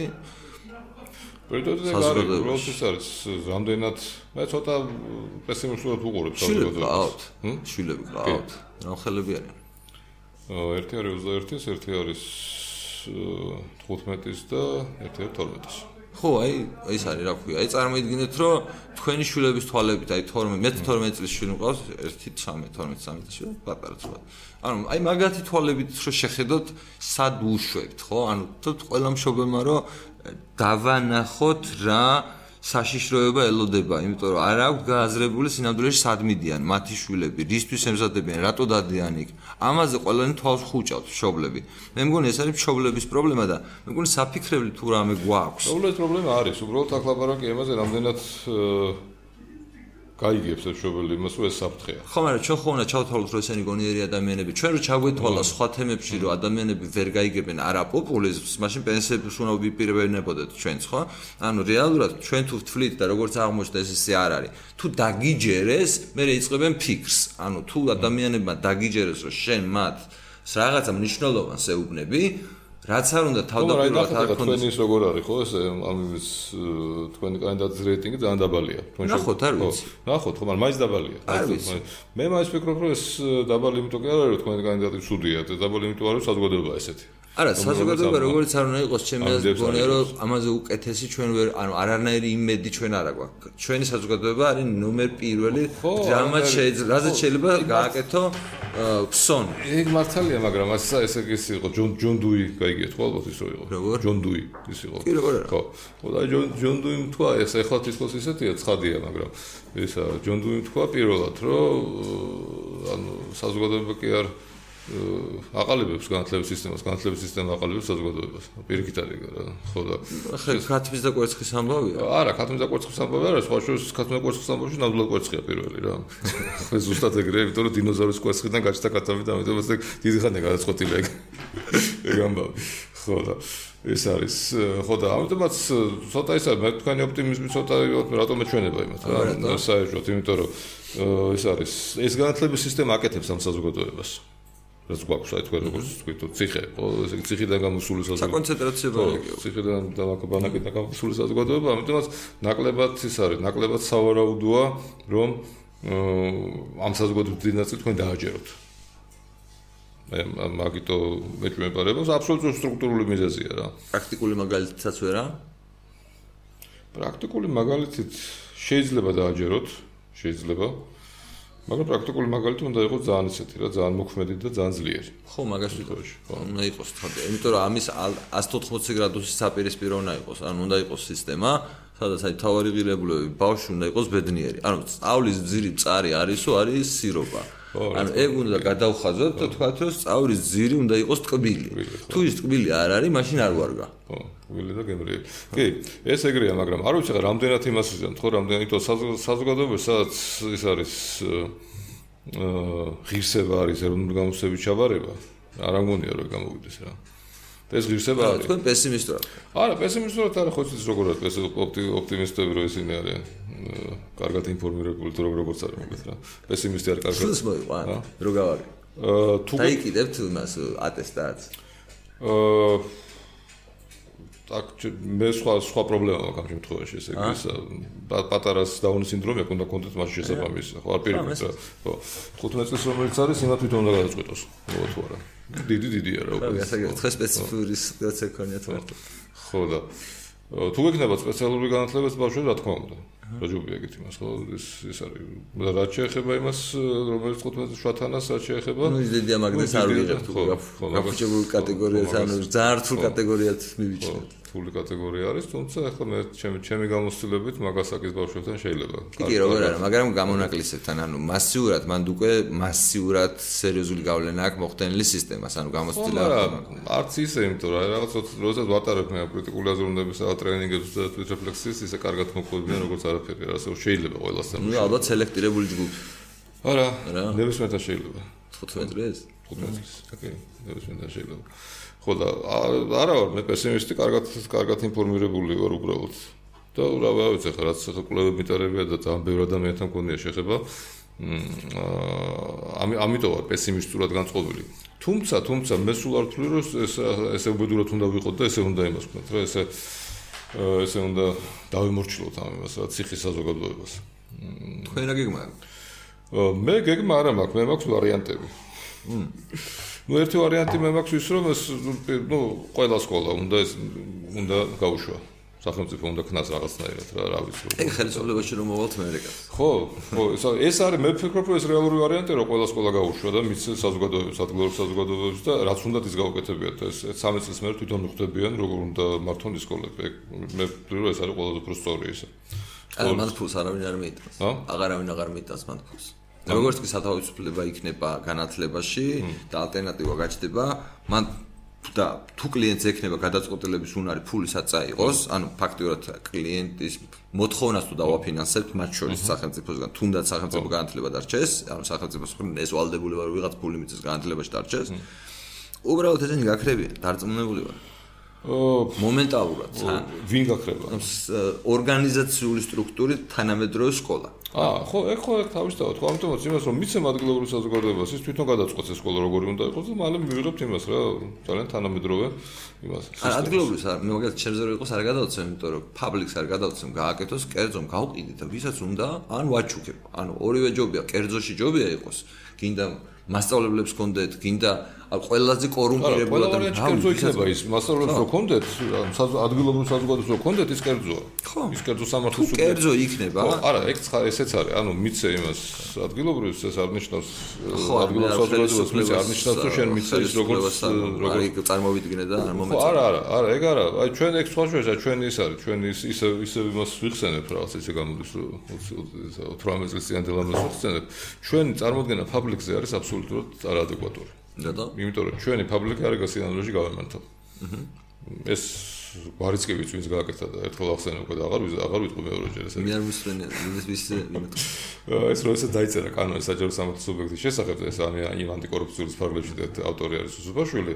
მოკლედ მაგ გააკეთა ესეთი ისა რა ფინტი. ესე იგი უთხრა შევარდნაძის რომ მოდი დავარქვათ ამას საჯარო, მაგრამ ეს არ იქნება საჯარო როგორც ეს არის დაუშვით ევროპაში და ამერიკაში, ეს იქნება სინოდული სახელმწიფო. შენ გააკონტროლებ უბრალოდ იმას დაარქვა საჯარო. ეს გააკეთა და დღეს ჩვენ ახლა როდესაც უცხოელები ჩამოდიან და გეუბნებიან მარტო მაგის ბრალი იყოს ახლა უსაფაშოს თავის პრობლემები და კანონი ანუ ის კანონი განაპირობებს ჩვენ წარმოქმნას საჯარო სუბიექტს საჯარო სამართლის სუბიექტებზე. იმიტომ ის კანონმა იმ კანონმა გვითხრა ჩვენ რომ საჯარო სამართლის სუბიექტი ეს არის სუბიექტი რომელიც არის ჩამოკიდებული სახელმწიფოზე და ფაქტიურად სახელმწიფოს ნაწილია. რაც არ არის ესე არსად. არც ბრიტანეთში არც ამერიკაში მით უმეტეს არც ამ იმეს ამ იმ იმპერიის ნაწილებში სადაც არასოდეს არ ჩადიოდა.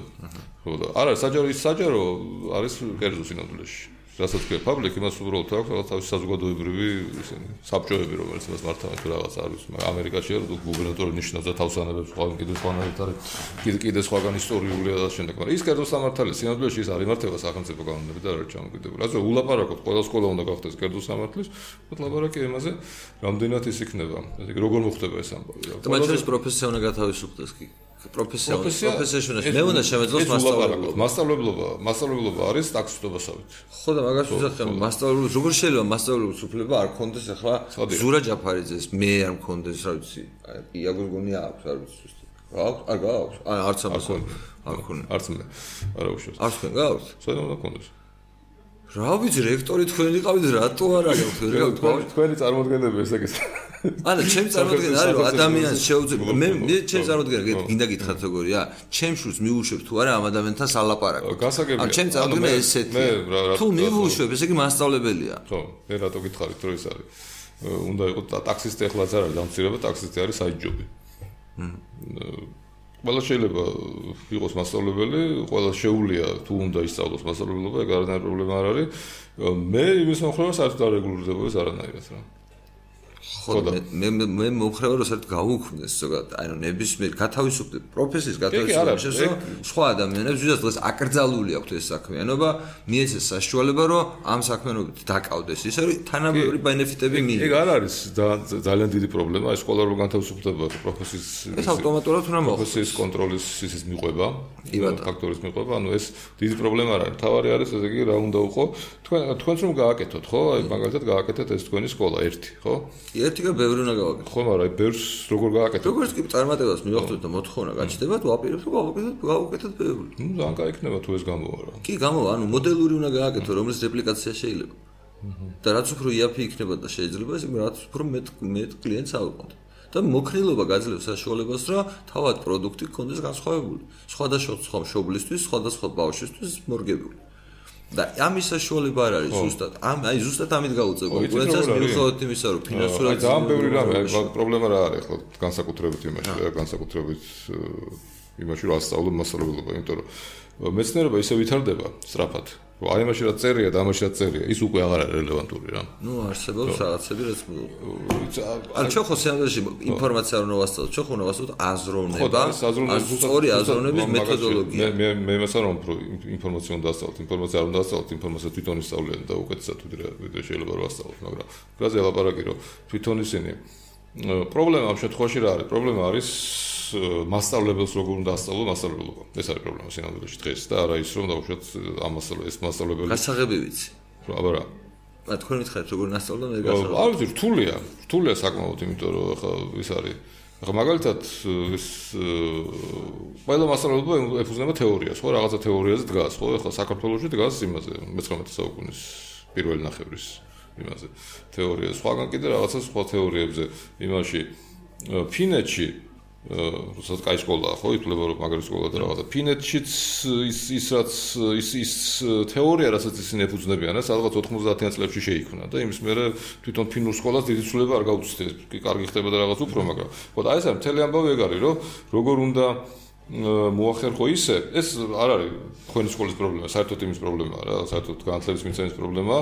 აი როგორ უნდა მოახერხო ისე რომ ეს მასშტაბებელი სულ ყავდეს აი ამ იმისი რა აი ამ რაღაცა ძალიან სწრაფ სწრაფი მზარდი და ცვალებადი აი ნეირომეცნიერების იმაში კურსში, იმიტომ რომ ეს ის კი არ არის ნეირომეცნიერებს ასწავლის, მან ყოველთვის უფრო უნდა იცოდეს რა ხდება იქ, აი ნეირომეცნიერებაში რომ თუნ აინტერესებს ჩემს და ანუ სინამდვილეში მან თავი აი მე ის თქვა მინდოდა და გასაღები გასაღები რა არის? გასაღები რა გონია მე. ანუ ეს არაფერ თეორიას არ ეფუძნება, ეს ჩემი დაკვირვება რა. აა თუ ადამიანი არსებს პატარა ადამიანს პატივს ისევე როგორც საკუთარ თავს ან დიდ ადამიანებს, ანუ თუ მას სხვასთან მიმართებაში, ამ შემთხვევაში ბავშვთან მიმართებაში განსხვავებული პოზიციონირება აქვს, ანუ საკუთარი თავი ზებოდან უყურებს, რაც არის თითქმის 100%-იანი, აი გამონაკლისების გარდა 100%-იანი სტრატეგია თანამედროვე სკოლის, ბავშვებთან მიმართებაში, დამოკიდებულებასთან მიმართებაში რა. როცა ისინი შეგიძლიათ დასხა ისე რომ 45 წუთი რაღაცა აიძულო და ეს საქართველოს სკოლაზე. ანუ ნებისმიერი, ანუ ნებისმიერი მასწავლებელი, რომელიც თანახმაა ასეთი ტიპით იძალადოს ბავშვზე, ეს მას მორალურ დისკომფორტს არ უქმნის, ეს ადამიანი ბავშვთან მისაშვები არ არის. არა, ხო? არ არის. თუ მისაშვებია, მე დანარჩენი, ანუ თუ მამას უკვე განცდა და პატივს ცემს ადამიანს, პატივს ცემს. მე ამას ისწავლის ნებისმიერებს, მე უკვე ინტელექტია დამოკიდებული, ანუ პირველი არის კრიტერიუმი მიშვებადობის და მეორე არის რომ მიუშვებ იქ ღირებულს რამეს შექმნის თუ არა. ანუ პრობლემა მაინაშია რომ ჩვენ დღეს ვუყურებთ რომ ვიღაცამ რახან მათემატიკა იცის ან რაღაცა იცის არ ვიცი თქვა კომპეტენტურია რომელიმე არ ვიცი დისციპლინაში. ჩვენ მიგვაჩნია რომ ამ ბავშვის ურთიერთობა მოსწავლეთან არის შესაძლებელი ეს მიუღებელი არ შეიძლება ამ ხალხის ერთმანეთთან დაკავშირება.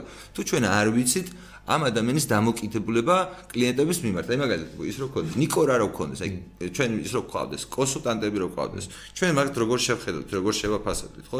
ჩვენ ხო კლიენტის კუთხიდან შევხედავთ ამას და შევხედავთ, რომ ჩვენი კონსულტანტი როგორ უნდა მოგვიწეს კლიენტს, იმისთვის რომ ის კმაყოფილი იყოს. აი ესე რო შევხედოთ ჩვენს მასშტაბლებს. ანუ ჩვენ ხო მშობლები ვართ პირველ რიგში რა. ამიტომ ვიძახი, რომ ყოველგვარ თეორიებს, ყოველგვარ ჩემს გამოცდილებას, პრაქტიკას ფეხებზე დავიკიდებ. უყურებ როგორც მშობელი, ანუ სკოლა შევქნათ როგორც მშობლემა, მშობლების გადმოსახედიდან. რა გვინდა საკუთარი შვილებისთვის და გონია რომ ბევრ საერთოს ვიპოვით. ანუ ბევრ საერთოს ვიპოვით მშობლები, რა გვინდა ჩვენ შვილებისთვის იმაში. და პირველი საიდანაც ეს იწყება. იწყება რომ რაც არ უნდა, რაც ინფრასტრუქტურა გქონდეს, რაც არ უნდა ინოვაციური მეთოდები ან განათლების თეორიები ვიცოდეთ, ამათ ბევრად ნაკლები მნიშვნელობა აქვს. გააჩნია როგორი ადამიანები, ანუ რა ოჯახი დახვდება ბავშვს, იმიტომ რომ სკოლა ჩემი წარმოადგენით არის ქარხანაზე რო ლაპარაკობთ, ოჯახი არ არის რეალურად. სად იზრდება ბავშვი? თქვენ ღირებულებებს გადასცემთ თქვენ შვილებს, როდესაც მათთან ჩაოლებულ ყოველდღიურ რეჟიმში ურთიერთობთ, მაშინ ჩემი წარმოადგენით და შეუძლებელია ეს ღირებულებები გადაეცეს სტრუქტურიზებულ გაკვეთილს. გაკვეთილზე არანაირი ღირებულები პირიქით ანტიღირებულების გადაცემა ყოველ შესაძლებელია. ეს ეს თეორია ხარ ასე. ეს რა თეორია, რამე ქვია? მე მგონი კი, კი, არა, კი, კი, არა, ყველაფერი ხო, ყველა ყველაფერი თეორია ასე ვფიქრობ, ვიპოვე რა, ხო, ეს ძალიან ძნელია. მე ეგ თეორია. გამიახლეს მოფიქრებო. ნუ ეს თეორია რო სკოლა ოჯახი, ამას აქვს ახლა თავისი პლუსები. აა მაგრამ აქვს თავის პლუსები და თავის თლიანად ეს არის ანუ ბავშვი ხო. ბუნებრივად აი მათ შორის ვკითხულობდი აი აი მაგაშია საქმე იცი აი ხო არის წინააღმდეგობები მაგ თეორიაში იმიტომ ბავშვი ისე ოჯახიდან მოდის ხო? კი ანუ ოჯახური უნდა იყოს გარემო რეალურად. ანუ ეგ როგორია შეიძლება გააფართოვო ოჯახური გარემო შეიძლება დატვირთო ბევრი ასე ვთქვათ აქტივობით ან ისეთი ისეთი კონტენტით რომელშიც მაგალითად ყველა ყველა ოჯახში ამის capacity უბრალოდ ფიზიკურად არ იქნება რაც რაც იდეაში ხდის ოჯახისთვის თავისი შვილი რო ასეთ გარემოში მოახვედროს სასურველს ამას. ხო? რეალ, მაგრამ თავისი დამოკიდებულებით ბავშვის მიმართ. თუმცა ხო, გასაგებია, აქვს აქვს მაგიმას, მაგრამ ოჯახი არის სტანდარტი. არ ამგონია. ნუ, მაგრამ ეს თეორია არსებობს, აქვს არსებობს მაგ თეორიას, მე არ ამგონია. ნეტო? გეტყვით ახლა, იმიტომ რომ მე ვფიქრობ, რომ ბავშვი ისაც ოჯახიდან მოდის, ანუ ის არის უკვე ოჯახში, მას ეს გამოცდილება აქვს რა. მე ვფიქრობ, რომ ესე იგი, სკოლა არ ვიცი რა შეიძლება სკოლა აღარ ერქოს უკვე ძალიან ძალიან ძალიან მაგრამ რაც არის მოკლედ იქ სადაც რასაც სადაც ბავშვები ემზადებიან ცხოვრებისთვის. ხო სადაც ბავშვები ემზადებიან ცხოვრებისთვის უნდა იყოს არა ოჯახი არამედ ეს უნდა იყოს ესა. ნუ ეხა სიტყვას გამოვიყენებ რომელიც შეიძლება ცუდად ჩათვალოს მაგრამ არის ცუდი სიტყვა რომელიც უნდა იყოს სოციუმის სიმულაცია.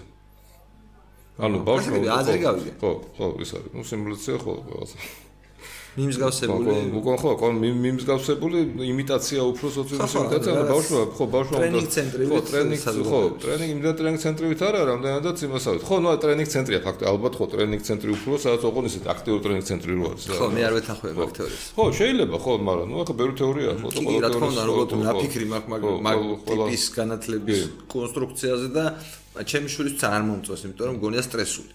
გააჩნია გააჩნია როცა ლაპარაკია სიმულაციის იმაზე სოციუმის სიმულაციაზე, აქ იგულისხმება, რომ ისეთი ბავშვებისთვისაც კი, ვისთვისაც აი თქვა რომ წარმოგიდგენ რაღაცა ის ჯერ ტრენინგ ცენტრი არ არის ეგ ეგეთი სკოლა.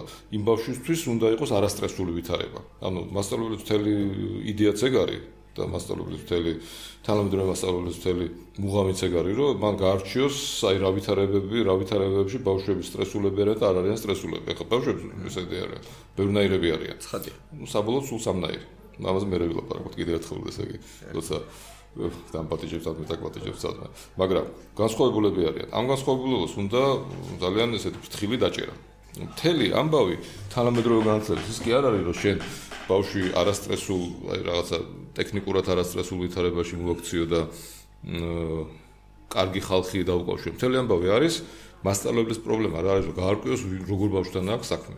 ეს სერიოზული ამბავია სერიოზული პრობლემაა მართლა იმიტომ რომ როგორ უნდა გაარკვიოს სხვა გარემოში თუ არა სხვა დობით აღხსავსე და თბილ გარემოში იცით როგორ არის ხა ზოგი ბავშვი არის ვისაც თბილი გარემოს სტრესულია ოკეი. არიან ეგეთი ბავშვებიც რა. ამიტომაც მასწავლებელი მე რომ გაგრა სტრესის გამო სტრესისგან გამოწვეული არ იქნება. არა, ყოველ ეს ეს ესე იგი ყველაფერი სოციალური ინჟინერი არ ხდება ხოლმე. არა, მაგას არ ვიზახმენ, რატო უნდა იყოს, ანუ რა რა გაჭიროება აქვს ბავშვს? არა, გაჭიროებაზე არ არის, გაჭიროებაზე არ არის. არა, ასე სხვა სხვა ტიპის ბავშვი, არა, აგრესიული არა. შეიძლება რაღაცა ესეთი ძალიან ძალიან ასე ვთქვათ, ფამილარული დამოკიდებულება ნახო, შეიძლება ჩაიკეტოს პირი. აა, კი, მესმის. ეგ მესმის, მაგრამ ეგ არის ზუსტად ხო, მე მაგალითად ხა სამწლიანი გამოცდილება მქონდა ბავშვთან ურთიერთობაზე და ზუსტად მაგას ვაკეთებდი ძირითადად და თითქმის 100%-იანი კორელაცია მაგ დაჭერილი ოჯახურ ოჯახში პრობლემასა და ბავშვის манифестациას შორის ამ ამ ტიპის პრობლემების ეს ეს არის ხო ამ პრობლემა არის ან უბრალოდ ეგეთი ოჯახი ან უბრალოდ ეგეთი ბავშვია რა. ну თული ისა ну ბავშვი იქცევა პრობლემურად ან შეიძლება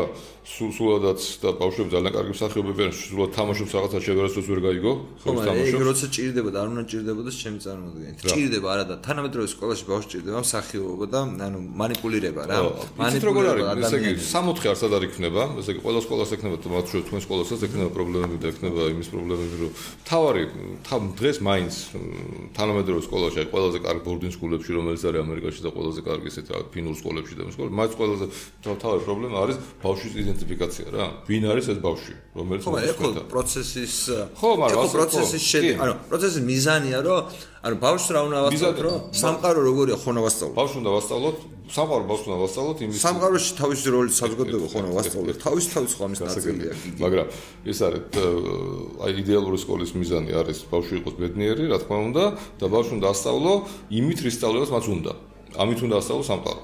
უნდა რა ვიცი, აი უნდა რა ვიცი, გაიხედა და რა ვიცი, უნდა ანუ ინტერესი უნდა მოვაჩინო. ხო, ანუ ის ზუსტად უნდა სწავლო ზუსტად ის რაც უნდა და ამ ზუსტად ის რაც უნდა სწავლოთ, ის სწავლობს სამყაროს. ხო, ეს ეს არის მთელი მთელი ამბავი. ანუ ის და როგორი ბავშვია, როგორი ბავშვია. ხო და ეს არის ესე იგი თავარი პრობლემები რა, ხო, ამიტომაც გეუბნებით რომ ესე იგი აა სკოლის გაკეთება როგორც ოჯახის ცუდი არ არის რა, მაგრამ ჯობია რომ ესე იგი ყველა ბავშვსაც ეს სკოლა თავის რაღაცა იყოს რა, ერთისთვის ოჯახი იყოს, მეორეთვის სოციუმის იმიტაცია იყოს, მესამე სოციუმის იმიტაციაზე ოჯახით შედის, იმიტომ ის ოჯახის ხო იმიტაცია ბუნებრივია და სიმულაცია რა.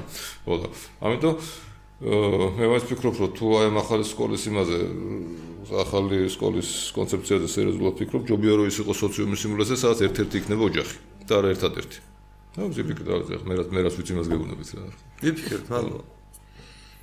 მოკლედ როგორც მინიმუმ გონია რომ ბავშვები არ უნდა მოვატყუოთ. თანამედროვე სკოლაში გარდა ამ ყველაფრისა რაც ახლა ჩვენ ვილაპარაკეთ თავარი არის რომ ის საზოგადოება, რომელსაც უხატავენ, ინფორმით როგორც უხატავენ და გარეთ რეალობაში რაც ხდება, ერთმანეთს რადიკალურად არ შეესაბამება. საზოგადოება საერთოდ არ არსებობს. ხო, ის საზოგადოება, რომელსაც სკოლაში ვასწავლით, უბრალოდ ფიზიკურად ბუნებაში არც უარსებია, მათ შორის ისტორიას, რასაც ვასწავლით სრული სიყალბეა და ისტორია ცალკე საერთოდ სიგიჟე გვაქვს და თუ რამე ვინმე უნდა გადავარჩინოთ და არის კიდე არის კიდე ერთი ისა კიდე ერთი პრობლემა რაც თვითონ საზოგადოების შენარჩუნებისათვის არის მნიშვნელოვანი ხო იმიტომ რომ ყოველგვარი იმის გარშე სახელმწიფო სისტემის გარშე იდენტობა ანუ რანაირად უმუშავებ ამბავს იდენტობას? ანუ როგორ რა იდენტობის მაგრამ რა დიდი იდენტობის მატარებელი იქნება ეს? ხა ისო იდენტობა იქნება თუ როცა დიდი იდენტობა არის არსებობს ეგ ზღაპარია ყოველთვის არსებობს რაც დაიწყო არსებობა მე რეცუ არსებობს რა. ამიტომაც ამ შემთხვევაში აი ამ სუპერ თავისუფალ სკოლაში და ჩემსაც პრობლემაა ეგ არა მე ხლა ამისთვის მე ხლა თლადის არ მომიძებნია პასუხი არ მომიძებნია აი რა უნდა გააკეთო იმისათვის რომ აი გააკეთოთ მაგალითად ის იქნება ქვეყანა ხო? იქნება სუპერ თავისუფალი სკოლები ხო?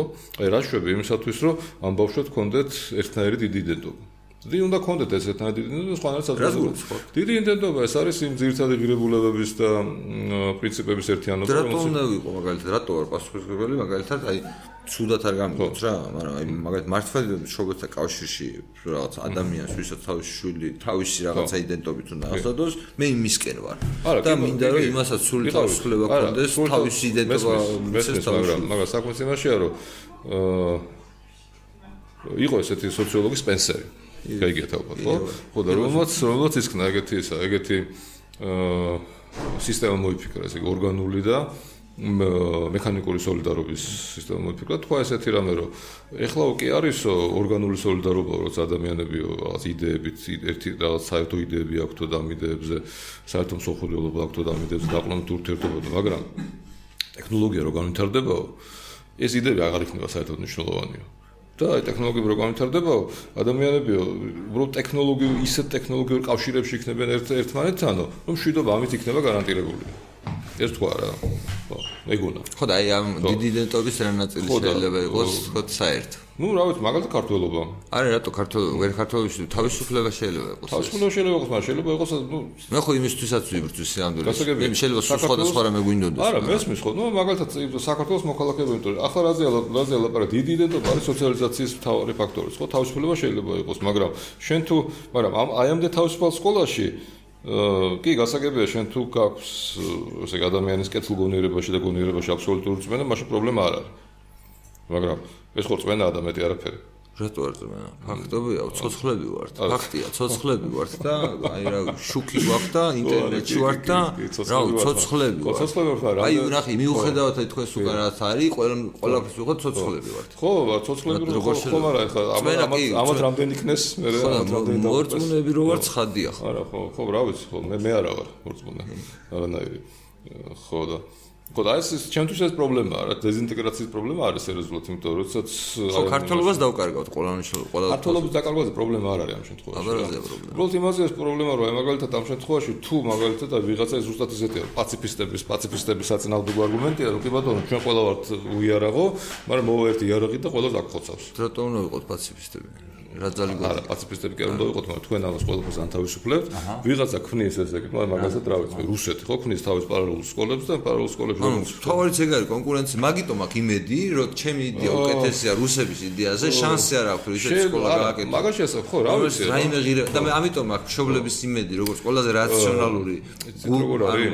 არ მექნებოდა მე თქვენ მოგივრათ ხო მე მესმის რომ ეს ისე და წვენა არის იმაში რა წვენა არის ადამიანის გონიერებაში თუ თქვენ არ ჯერათ ადამიანის გონიერების? ო, მე მჯერ განათლებული ადამიანის გონიერების. და ჩოლებრივი ადამიანის შანსი მე ვიცი რა შანსი გადაწყვეტილება მიიღოს არა ნაკლებად ნაკლებად. და გეტყვით გეტყვით რატომაც რა. ეს ისა ეს ეს მე ნაკლები ნაკლები მაქვს როგორც იმას რა. აა როგორც მეცნიერს ამ შემთხვევაში და არა დაუშვათ იმას არა როგორც იდეოლოგიების იმას ისტორიკოს. აა არა იმიტომ რომ ადამიანის ძირთად გამოძრაობელი არის სიამოვნებად კი მეტი არაფერი. ხო და შესაბამისად არა თუ მას არ აქვს საკმარისი განათლება იმისათვის რომ და თელი ადამიანის განათლების პროცესი როგორ არის ხო? ბავშვი იბადება ესე იგი შია წურია ითხოვს ამას რომ ითხოვს რომ შეჭამოს და ის მიიღოს საკმაყოფილება მიიღოს და ამით ის იღებს თავის ტკივილს აღუჩებს ანუ სიამოვნებას იღებს. თელი ბავშვის აღზა და ადამიანის აღზა არის აი ამ სიამოვნების მიღების წესების სწავლება. ანუ როგორ უნდა გადაავადო, როგორ უნდა გამოითვალო, რომელიც არის შენთვის კარგი, როგორ უნდა განსაზღვრო, რომელიც სიამოვნება შეიძლება იმ წუთას მიიღო, რომელიც ანუ ბავშვი რო იზრდება, ეს სადღაც რაღაცა რამდენიმე თვეში ხდება, რომ ესე იგი არც არაფერი არ მოხდება, საშინელება თუ ის თავის შიმშილს სხვანაირად გამოხატავს. მან თავის კიბულს სხვანაირად განაწყობს, სხვანაირად გამოხატავს, ხო? ხო და ამიტომაც მე არ მჯერა იმის, არ მჯერა კი რა ზუსტად ვიცი რა. ისე როგორც ყველა ზუმწოვარს, ესე იგი მისი მთავარი მომძრაობელი არის სიამოვნება და კიბული. ამაზე მარტო ამას მარტო მე არ მომფრ ამას ამოვიდა? ამის ამას დაყრდნობით რა დასწრებს ამას დაყრდნობით ისიც გამომაგო თუ მას არ აქვს მიღებული ადეკვატური განათლება როცა მას შეუულია განსაზღვროს სიამოვნების მიღების გზები რომელიც არის მისთვის და ну სოციუმისათვის სასარგებლო სინამდვილეში ფიქრის ამბავია გიგი თუ ფიქრობ და მე შემეძი და პროგნოზირება long term-ში ანუ ჩემი სიამოვნე ანუ იგივე პრინციპი რჩება გეთახმები ეს ფიქრი თუ არ ასწავლე? ხო და მაგაში საქმე ხო და ეს არ არის რაციონალურობა სწავლებადია. რაციონალობა არ არის თანშობილი ესა ხო. გეთახმებით მაგაში. ხო და ამიტომაც მე არ მჯერა მეთქი მაგას გეუბნებით რა რომ ადამიანები განსაკუთრებით ესე იგი საქართველოში რაციონალურ გადაწყვეტილებას მიიღებენ. შვილთან მიმართებაში ელემენტარულად არა არა არა არა არ იღებენ სინამდვილეში იმიტომ რა არა ნუ არ იღებენ და იმიტომ იმიტომ რამდენი ის არის? მაშინ ჩავატარებ ამ ექსპერიმენტს რამდენი ოჯახი გინახავთ რომელიც მაგალითად თulis რომ რაღაც კარგია რომ ბავშვი ცემოს იმიტომ რომ ის ამით ისწავლის ეს რაციონალურ გადაწყვეტილება ხო არ არ არის არა. ხო სინამდვილეში ეს არის გადაწყვეტილება ის იღებს ამ შემთხვევაში სიამოვნებას, იმიტომ რომ ადრენალინი გამოიყოფა და თვითონ ბავშვთან თვითონ იღებს სიამოვნებას ამ დროს რა. ხო და ამიტომ ზრუნვის ეფექტი. ზრუნვის ეფექტია, ხო. და ამიტომ ვამბობ, რომ ის არის იმდანაც ეს ისა მე არ ვამბობ ამას მარტო რომ სიამოვნება ტკივილი ეს იერემე ბეტამი იყო ერთ-ერთი ეს ძალიან ჭკვიანი კაცი იყო და ეს იმისი იმისი ნათქვამი ეს მაგრამ ამას ყველაზე საინტერესო ის არის რომ ამ იერემე ბეტამის ნათქვამ ფიზიოლოგიური საფუძვლები აქვს რა ეს ტვინის ტვინი ესე მუშაობს ხო და ტვინი არ მუშაობს რა ტვინი მუშაობს რეცეპტორებს აგზნები და რეცეპტორები ჩაქრობთ ერთი არის ესე იგი აღზნება ანუ ნუ პირობითად ტკივილი დავარქვა ჩაქრობა არის ანუ ესე მუშაობს თუ ამიტომაც მე ამჯერა განათლებელი ადამიანის რაციონალურობის რა განათლებულის კი მაგაშია საქმე ამიტომაც მე არ თვლი რომ კონკურენცია გადაწყვეტს ყველაფერს განათლებელ საზოგადოებაში. მაგაში გავსხოვდებით ესე იგი. მაშინ შემდეგი გადაცემა ჩვენ აი მაგ კონკრეტულ თემას მივუძღვათ. იმიტომ რომ ეგ მნიშვნელოვანია. მე მჯერა რომ ნებისმიერი ადამიანი თავისი თვალთახედვის ფარგლებში იღებს. რაშიც ალბათ თან ხვდებით, ანუ ეგ უნდა გავარკვიოთ, შეიძლება სინოდოში ერთი და იგივე სვლაპარაკო. ეგ ვაპარაკობთ, იმიტომ თქვენ ხართ რაციონალურ rational choice თეორიაზე გეხართ, ეს აბსოლუტურად მე ვთვლი, რომ აბსოლუტურად არასწორი თეორიაა რა. კაი, მაშინ მაგაზე ვისაუბროთ, შემდეგ გადაცემა. მანამდე მაშინ ჩემ ბოლო წიგნი წაიკითხეთ, რომ წიგნის მოყოლა არ დამჭირდეს თავიდან. კი ბატონო, სიამოვნებით წაიკითხავ, ოღონ დამილინკეთ, სად წაიკითხავ, არ ვიცოდი რომ წიგნი დაწერე, თან არ ვიცოდი, მოკლედ არ ვკითხულობ წიგნებს, ეგეთი ადამიანი ვარ. ესე? მაგებს კითხულობ. დიდი მადლობა. დიდი მადლობა მოსვისთვის. კარგად ხარ. კარგად.